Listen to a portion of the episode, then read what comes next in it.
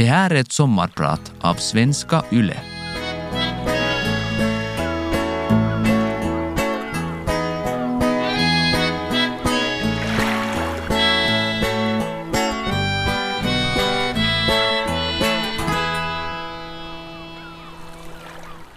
Att fritt och nyfiket få utforska sin omgivning är en viktig del av att formas och bli människa. Dels handlar det om att utforska det fysiska rummets och platsens möjligheter och begränsningar. Dels handlar det om den egna kroppens krafter och om tillit och vänskap. Mitt namn är Moira von Wright och jag är er sommarpratare idag. Jag kommer att tala om vad det här med utforskande har betytt för mig hur det har lärt mig att älska världen och gett mig viljan att dra mitt strå till stacken för att jorden ska vara en bra plats att leva på. Låt mig därför börja dagens sommarprat med att berätta om ett av de många små vågstycken som jag har upplevt tillsammans med mina vänner som ung. Det här är i Afrika, eftersom Afrika har betytt så otroligt mycket för mig. Året var 1986 och platsen var Kenya. Vi stod samlade i ring runt det stora matbordet där kartan av papper låg utbredd. Här syntes de höga bergen, Riftdalen, savannerna, kusten med sina mangroveträsk, korallrev och vidsträckta vita sandstränder, saltsjöar, nationalparker. Vart ska vi åka? var frågan. Möjligheterna till en spännande utfärd var oändliga. Så hur skulle vi tänka? Och vi, vi som skulle tänka, det var jag och min barndomsvän Ella som var på besök med sin vän Sanna. Jag bodde på den här tiden i Nairobi i Kenya. Vägarna får helst inte vara för besvärliga, sa jag och tänkte i mitt stilla sinne på hur otäckt det var att köra fast på vägen upp mot Mount Kenya eller att hasta sig fram till Mombasa innan mörkret och samtidigt undvika potholes på körbanan och djur och människor som rörde sig i vägrenen. Här, jag har det, utropade Ella. Oloi toki tok. Nja, jag tvekar. Det ligger så långt borta, ända på sluttningen av Kilimanjaro. Hej, om det finns ett ställe som heter Oloi toki tok så åker man dit, slog Ella fast. Vi smakade på namnet Oloi Toki Tok. Fascinerande och exotiskt. Det lät onekligen som en plats som måste upplevas. En gräns som måste utmanas. Sagt och gjort, vi började förbereda oss. På gården till huset där vi bodde stod en gammal landrover. Den var i hyfsat skick, men den obligatoriska väglicensen var lite sliten och det riskerade att ställa till med krångel om vi blev stannade av polisen vid en vägkontroll. Vi ville försäkra oss om att datumet blev korrekt, så vi klippte ut några siffror ur den lokala dagstidningen Nation, som märkligt nog hade exakt samma typsnitt och dessutom i samma storlek. Nå, med hjälp av sax och lim fick vi väglicensen fixad och lade den tillbaka synligt in i vindrutan. Sen var det bara att stuva packningen. Vatten, mat, sovsäckar och varma kläder.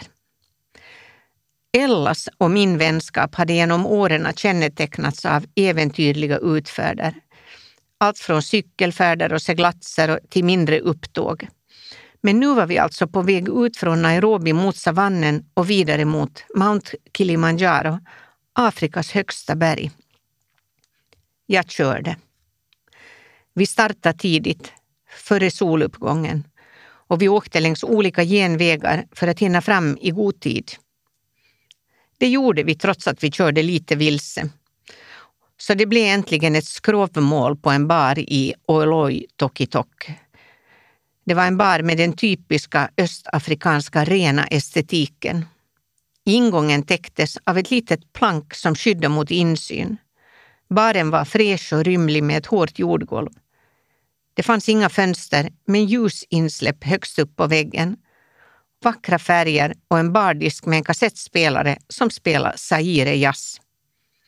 Vi åt oss mätta och sen gick vi tillbaka ut i solen. Utsikten var underbar. Nej, nu är det dags att åka vidare, sa jag. Vi måste hinna till vårt natthärbärge innan solnedgången. Vi styrde tillbaka nerför sluttningen och tog oss in på en smal väg som skulle föra oss till Amboseli för natten. På vägen stannade vi under en ensam akacia och vilade en stund i dess skugga. Sanna tog fram kikaren och spana. Titta hej, där är en by där borta. Vi går dit. Vi gick närmare och upptäckte att den såg tom ut. Den verkade ödslig. De låga masajhyddorna som var byggda av lera och koskit såg övergivna ut. Det fanns ingenting mer än några trasiga kastruller på gården innanför staketet av käppar och grenar. Hej, här är ingen. Vi kan lugnt gå in, sa Ella och kika in i en hydda. Jag tvekade, men vi vet inte varför de har gett sig av. Äsch, det gör ingenting, kom nu. Vi har chansen att se hur de bor, menar Ella och Sanna. Och förtjusta kröp de in, en i den ena, en i den andra hyddan och kolla. Jag stannade utanför på vakt. Det började skymma, så vi packade oss in i landrovern igen och åkte vidare. Då upptäckte Sanna att det kliade på armarna, på benen, i håret. Stanna, ropade hon. Jag är full av ohyra. Jag stannade bilen och vi kastade oss ut. Sanna ställde sig mitt på vägen och tog av sig precis alla sina kläder. Ella putsade bilsätena från små svarta kryp och jag grävde i bakluckan efter plastpåsar och insektsspray. In med kläderna i en påse och spraya och stänga påsen. Mitt i hela härligheten kom det plötsligt en bil. Det var den första bilen vi hade sett på flera timmar. Där satt några viltvårdsvakter i sina kännspaka gröna uniformer. De bromsade in så att dammet yrde. Är allt okej? Okay? Sanna stod ogenerat och putsade sig medan Ella höll upp en grann Kykoi som skydd. Jo, vi har lite problem med insekter bara, sa vi. Jaha, då så. Männen lo och körde vidare. Väl framme i lodgen blev vi mötta av en värd som flina. Kan det vara så att rykte om vår insektincident hade nått honom? Sanna åkte raka vägen in i den kalla, strilande duschen och klädpåsen åkte rakt ner i soporna. Jag skulle laga mat, men jag somnade som en stock till Ellas förtret. Jag har alltid haft den där svagheten att jag behöver jättemycket sömn för att återhämta mig efter äventyr och jag riskerar att somna just när festen ska börja. I februari 2019 33 år senare ringer telefonen. Där ljuder en röst som vill få veta allt om mig. Moira von Wright, vem är du som blir Åbo Akademis nya rektor? frågar redaktören nyfiket. Visst gick du i Sirkala folkskola i Åbo? Var är du professor nu för tiden? Hur gammal är du förresten? Räknar du dig som finlandssvensk fast du har bott så länge i Sverige? Och du lär ju vara feminist. Varför? Frågorna hagla och jag svarade så gott jag kunde. Redaktören ville gärna veta sånt som gör mig jämförbar och begriplig i en värld av identitetspolitik och sånt som kan placera in mig på en skala av framgång i akademin och societetslivet. Han fick också veta en hel del om vad jag är. Hemspråk, ögonfärg, ålder, äktenskap, kunskapsområden, arbetsplatser, värderingar och så vidare. Men redaktören frågade egentligen ingenting om just mig. Han fick inte veta att jag hellre rör mig i den yttre skärgården och på savannen än i nattlivet på stan. Att jag tycker om att läsa och skriva och fundera. Att jag älskar äventyr och frihet. Att jag har underbara vänner och en rik fantasi. Han fick inte veta vem jag är. När vi vill tala om en annan som någon, som ett vem, kommer språket snabbt till korta och vi tenderar att trassla in oss i beskrivningar och kategorier om vad hon är, det vill säga sånt som hon delar med andra. Listor och förteckningar över vad en människa är eller inte är, vilka grupper hon tillhör, vilka egenheter, titlar, diagnoser eller lyten hon har ger oss inte den estetiska kunskapen och inte heller för den oss närmare den andra personen som en levande, kännande människa. Vemme går nämligen inte att fixera. Det visar sig i framträdelsen, i tal och handling mellan människor, betonar filosofen Hanna Arendt. I den meningen är vemme oförutsägbart och konstnärligt. Ingen människa äger själv tolkningsföreträde till beskrivningen av vem hon är. Aktivt mänskligt handlande sker i situationer där alla är deltagare och i en sån situation kan var och en komma till tals och själv avslöja vem hon är. Men det innebär förstås att ingen ställer sig utanför eller ovanpå och styr eller manipulerar, menar Arendt. Genom berättelser, narrativ och storytelling kan vi däremot fånga en hel del av det särpräglade hos en annan och vi kan liksom frysa och fixera en unik situation. Men det kräver att vi håller tillbaka vår längtan efter att placera in människor i fack utifrån hurdana vi tror eller vill att de är. Och att vi avstår från att analysera för att istället lyssna till berättelsen. Redan på 1930-talet sa kulturkritikern Walter Benjamin att vår besatthet av att sprida information gör det svårt för oss att berätta en historia som sådan. Att låta den stå som den är. Vi riskerar istället hela tiden att vilja förklara den. Varje unik människas möjlighet att bli bemött utan förutfattade åsikter och definitioner är för mig en viktig värdering. Frågan om vem man kan vara och därtill vem man skulle kunna vara bortom kategorier och beteckningar har engagerat mig sedan ungdomen. Och i min egen forskning har jag undersökt vad som krävs för en dialog där alla kan komma till tals, hur människor kan mötas trots grundläggande skillnader och värderingar. Alla möten är inte goda möten, men de bidrar ändå till att forma oss. Jag har forskat om intersubjektivitet, det vill säga om hur människor skapar mening tillsammans, om frihet och människors, också utsatta människors, handlingsutrymme. Så jag kommer nu att ge er ytterligare några små anekdotiska glimtar från mitt eget liv av vänskap, rädslor, fantasi, frihet och mellanmänskliga möten och möten med djur jag vill berätta hur de små och till synes obetydliga erfarenheterna har lärt mig att älska världen trots en del besvikelser och sorger längs vägen. Kanske kan det ge er en glimt av vem jag är, bortom identiteter och etiketter. Mitt namn är Moira von Wright och jag är sommarpratare idag. Jag föddes in i en liberal intellektuell familj i Helsingfors. En familj som älskar mig och jag kan gott säga att min barndom var lycklig. Vi var fria på ett sätt som är få förunnade idag. Jag och mina syskon kunde röra oss som vi ville, särskilt efter att vi hade flyttat ut till Vålax, vårt tidigare sommarställe på Kustö utanför Åbo. Under våra barndomssomrar hittade vi ständigt på nya upptåg och nya platser att till exempel sova på. Det var så jag och min vän Ella utforskade vår omvärld. Vi sov på sandstranden, i badhuset, i lekstugan, i kojor i skogen, i tält, i båtar, ja till och med i ett träd en gång, men det gick inte så bra. I uthusen byggde vi små bon åt oss. En favorit var vinden ovanför gamla iskällaren, Kellarin Vinti som vi kallade den. Här hade man tidigare grävt ner is i sågspånen för att ha kyla under det varma halvåret. Men nu var den inte längre i användning. Vi hade ju kylskåp. Ovanför den unkna och bortglömda iskällaren inredde vi varsin sovplats och vi spikade upp stora spikar som vi hade doppat i grön och orange målfärg. På dem hängde vi upp våra träskor och ficklampor. Vinden var ljus och fin.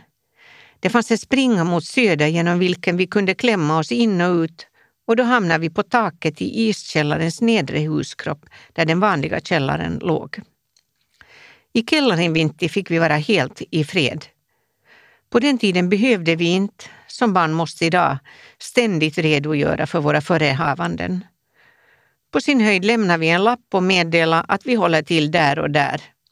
Och jag tror ärligt talat inte att våra föräldrar riktigt hade någon aning om vad det var för platser som vi övernattade på.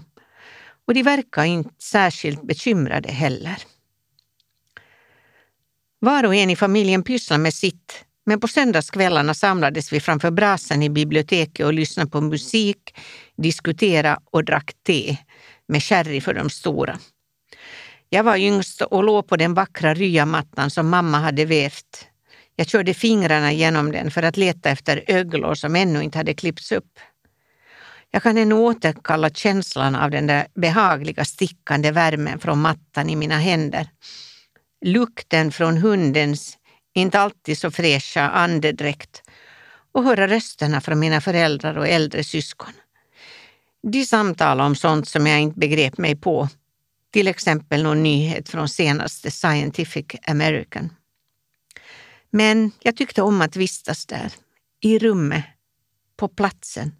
Den kändes så självklar. Vi bodde avlägset så jag var ofta för mig själv. Men jag hade fullt upp tack vare naturen och fantasin. Under den långa promenaden hem från bussen efter skolan hade jag många lekplatser. Bäcken i sluttningen, genvägen, kohagen, den stora skrämmande ladan, den ihåliga eken och vägen förbi vännerna som bara kom ut till helger och semestrar. Men jag lekte att de var där och att vi gick tillsammans i skogen. Ja, jag lekte mig hem ända tills jag fyllde 13 år och blev tvungen att flytta till stan eftersom föräldrarna skilde sig och huset såldes och stängdes ner. Då fantiserade jag att det var krig och att jag skulle evakueras. En del saker lämnade jag kvar för jag tänkte att de står där sen när evakueringen är över och kriget är slut. Inne i villan, bakom bjälkarna som höll upp balkongen i stora hallen, pillade jag in ett brev till framtiden. Några saker grävde jag ner i skogen. De ligger där ännu om de inte har ruttnat eller rostat bort. Din lycka var kanske trots allt att din pubertet kom så sent, säger min man, läkaren. Du lekte dig genom det svåraste. Men kraschen kom oundvikligen. Det upplevda kriget tog visserligen slut, men inte evakueringen och livet blev inte detsamma. Det älskade barndomshemmet var och förblev borta.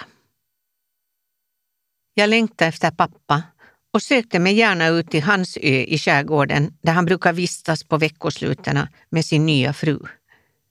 Jag tog mig ut från Åbo med bussen och promenerade sen längs en vacker slingrig sandväg och över en smal liten gångbro och några kilometer genom skogen fram till stugan. Bästa sättet att få tillgång till pappa var att leva upp till hennes, min styvmors, förväntningar och göra henne nöjd vilket inte alltid var helt lätt. En sak var att man skulle helst ha med sig mat när man kom ut till stugan och hälsade på. Jag hade vanligen med mig åtminstone ett paket kaffe och lite bröd. Det är bra att du tar ansvar, sa styvmor medan jag plockade fram varorna ur min gröna fjällräven ryggsäck. Din syster har aldrig med sig någonting. Hon bara kommer hit och tar för sig. Som den 15-åring jag var så blev jag lite obekväm, men samtidigt glad att höra att jag gjorde rätt. Tänk att min äldre syster inte förstod att man ska ta med sig egen mat när man kommer ut till pappas holme. Du tar ansvar, sa styvmor och jag kände mig mäkta stolt. Ändå skavde det. Det var tungt att leva upp till alla krav och det bekymrar mig att vi syskon inte lyckades. Men din syster, hon hugger ved och bär vatten. Hon tar ansvar, förklarar styvmor. Mm, jag var ju inte alls lika stark och skicklig som min syster, men jag tog yxan och sågen och gick i närkamp med någon kullfallen björk eller gran i skogen. Jag sågade och högg och släpade stockarna till vedledet där jag staplade dem och lade dem att torka. Det gick trögt, men det gick. Bra du tar ansvar och städar efter dig, sa styvmor när jag diska och diska och sopa. Din syster gör ingenting. Det ser hemskt ut efter henne. Förresten, din syster tar i alla fall ansvar. Hon fiskar och ser till att det kommer mat på bordet, sa styvmor när jag smet undan från fiske som var nästintill heligt för en familj med så fina fiskevatten. Men det var en sysselsättning som jag aldrig riktigt hade tyckt om. Vad sa pappa? Han var nöjd när vedbonden fylldes. Han log mot mig. Så fint att ni två kommer så bra överens. Det gjorde mig glad inombords. Jag kände att han såg mig. Mina besök på pappas ö inföll allt oftare då när ingen annan var där. En majmånad var jag helt ensam där ute för att läsa Mika Valtaris Rikets fiender och skriva en uppsats om barns läsinlärning. Jag var 20 år och hade byggt upp en arbetsplats i Le nere på bryggan i Svalviken. Där lyssnade jag till knake i tallarna, mössöronen som slog ut, rasslande av isrester vid strandkanten och det ivriga kvittrande av fåglar. Jag njöt av den paradisiska ensligheten ute på ön, kände mig trygg och glad. Jag tog en promenad genom skogen ner till ängen och tyckte mig se påskliljor som hade slagit ut vid dikesrenen på andra sidan. Härligt, tänkte jag. Dem ska jag titta närmare på. Då fick jag syn på en älg i skogskanten som betraktade mig. Var hälsad skogens konung, utropade jag glatt i älgen. Vad mer kunde man begära än att få dela glädjen med en älg? Skogens konung, som för den delen saknar krona, glodde intensivt på mig och började komma mot mig. Det var lite oväntat så jag fäktade med armarna och pratade högljutt. Det var ju så jag hade lärt mig att man ska göra om vilda djur blir närgångna. Då kom den allt närmare och ökade hastigheten. För fasen, den kommer på mig, insåg jag och vände tvärt och började springa. Hjärta bulta, jag kutade allt vad jag kunde tillbaks över ängen. Älgen följde efter, hack i häl och var så gott som fast i mig. Jag tittade förtvivlat efter ett träd att klättra upp i. Men de var antingen små spinglor eller omöjligt täta granar. Jag dök in under en gran och tryckte mig mot stammen. Älgen stannade tvärt och sträckte fram mulen mot mig. Jag skrek allt vad jag orkade och tog tag i en gren och viftade med den mot älgens mule. Älgen ryggade tillbaka. Den tycktes vända sig bort så jag tog ny sats och snabbare än Paavo Nurmi rusade jag vidare. För en kort sekund trodde jag faktiskt att jag hade kommit undan, men då hördes igen ljudet av den galopperande älgen som förföljde mig. Koppeti-koppeti-koppet den kom närmare, brakande fram längs stigen. Det är kört, tänkte jag förtvivlat. Den har ihjäl mig. Den sparkar mig, sliter mig i stycken. Jag var helt slut. Mitt hjärta bulta. Hjälplöst kastade jag ut en blick mot vattnet, men det var ju iskallt och älgar kan simma. Jag böjde mig ner efter stenar och jord och kastade mot älgen och skrek. Ett ylande, gutturalt vrål som inte var mänskligt utan som kom från en urtida varelse inom mig. Älgen stannade, stegrade sig lite och blev stilla. Jag kutade vidare, för jag var ju nästan framme. Så jag snubblade upp för trappan in i stugan, låste dörren efter mig och drog för gardinerna. Skälvande, darrande, frysande, snyftande. Jag fick feber och älgfrossa och svimma av. Sov hela kvällen och hela natten som i dvala. Jag vågade inte ens gå ut till tuppen. Följande morgon var ön inbäddad i dimma. Det var en sån där totalt tjocka där man inte ser längre än en meter framför sig och jag behövde hämta vatten. I dimman såg jag älgar överallt. Jag hörde dem komma knakande och smygande i skogen. Jag såg dem som mörka skuggor i vattnet, beredda att anfalla mig. Med en kratta som vapen i ena handen och vattenkanistern i den andra handen begav jag mig till brunnen och fäkta, gorma och skrek för att hålla alla levande varelser på avstånd. Jag som aldrig tidigare hade varit rädd i naturen hade nu blivit skräckslagen. Jag kände mig lurad och utesluten ur paradiset. Två dagar senare kom solen fram igen. Jag packade ihop och lämnade platsen. Min barnsliga tillit till de vilda varelserna på ön kom inte tillbaka. Men min kärlek till naturen är orubbad. Mötet med den efterhängsna älgen i skärgårdsskogen skrämde mig rejält. Men trots det är jag sällan rädd och särskilt inte i fasen av att göra någonting. När jag är sysselsatt har jag ju oftast en känsla av kontroll och njuter av utmaningarna. Rädslan infinner sig i stunder av passivitet. Rädslan kommer när jag sitter i passagerarsäte, när jag vaknar på natten och försöker somna om. Den kommer när jag står på järnvägsstationen och väntar på min älskade vars tåg aldrig tycks komma fram. Eller när klockan är långt efter midnatt och min tonåring ännu inte har kommit hem. Som barn var jag för det mesta ganska djärv och orädd, men jag minns en dag när jag trots allt insåg att också jag var rädd. Min bästis Mecki och jag skuttade hemåt från Sirkala folkskola i Åbo i riktning mot Henriksgatan, där Mecki bodde. Som vanligt hoppade vi på gatstenarna, klättrade på fasaderna och ibland om vi lyckades över planken.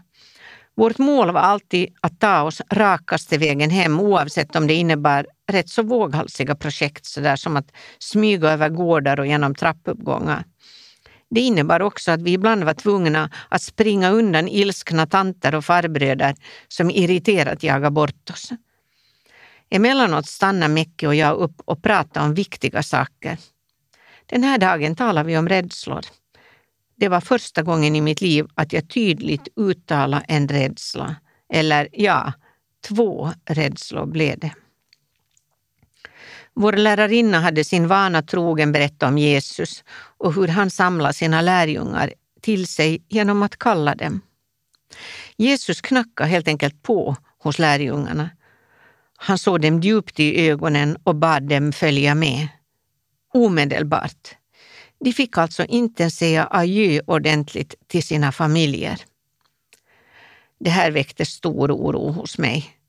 Vad skulle jag ta mig till om Jesus en vacker dag ringde på dörrklockan på Biskopsgatan 12 där vi bodde och bad mig följa med? Jag ville inte. Den här rädslan var ännu större än rädslan för att bli inkallad i militären, erkände jag och kände mig lite nöjd över min egen uppriktighet. Men äsch, sa Mekki, förstår du inte att du är en flicka? Det här gäller inte oss flickor. Jag dolde min förvåning och skämdes och sa ungefär, ja, jag menar ju inte så. Det tog ändå tid innan jag fattade att sånt som ansågs vara viktigt och som det hela tiden talades om, sådär som självständigheten, Förenta Nationerna och Jesus, inte gällde vare sig mig eller andra flickor. I ärlighetens namn så förstod jag inte vidden av begränsningen av att vara flicka då och jag tror inte att jag har accepterat den än idag. Inte för mig själv och andra som lever ett liknande småborgerligt liv, men framför allt inte för de miljontals flickor och kvinnor som kämpar under långt svårare livsomständigheter. Det var en ynnest att som barn få växa upp i en familj där samtalet var det bärande elementet, inte kategoriseringen. Som okategoriserad människa i en familj med långt mer komplicerade intressen slapp jag begränsa min självuppfattning till de dikotomier som omvärlden så slarvigt använder sig av. Pojke, flicka, stor, liten, finne, svensk, smal, tjock, vacker, ful och så vidare. Det gav mig en bekymmerslös start i livet och en tillit till både mig själv och till världen. Oräddheten och lusten att utmana gränser har förstås gett mig en del svårigheter, men mest glädje och en förmåga att njuta av ensamhet som inte ens den ilskna älgen har kunnat ta ifrån mig. Och den har fört mig ut på många äventyr och lärt mig otroligt mycket om mig själv. Som till Östafrika på 1980-talet och nu, år 2019, tillbaka till Åbo. Jag heter Moira von Wright och har varit er sommarpratare idag. Jag har talat om vänskap, rädslor, fantasi och möjligheten att röra sig fritt och obekymrat. Om vad det har betytt för mig, hur det har lärt mig att älska världen och gett mig viljan att dra mitt strå till stacken för att jorden ska vara en bra plats att leva på. I mitt dagliga arbete vid universitetet är det kanske ändå inte i första hand det där lekfulla och äventyrliga i vem jag kan vara, utan vad jag gör som ger stabilitet och kraft. Och de förebilder jag har är också viktiga. Bland dem finns min mamma som ihärdigt, med systematik och intresse, tog sig an sina uppdrag. Hon lärde mig att man visst både kan och bör njuta av vackra ord och drömmar. Men att det trots allt är så att värdet av ens handlingar visar sig i argumenten och konsekvenserna.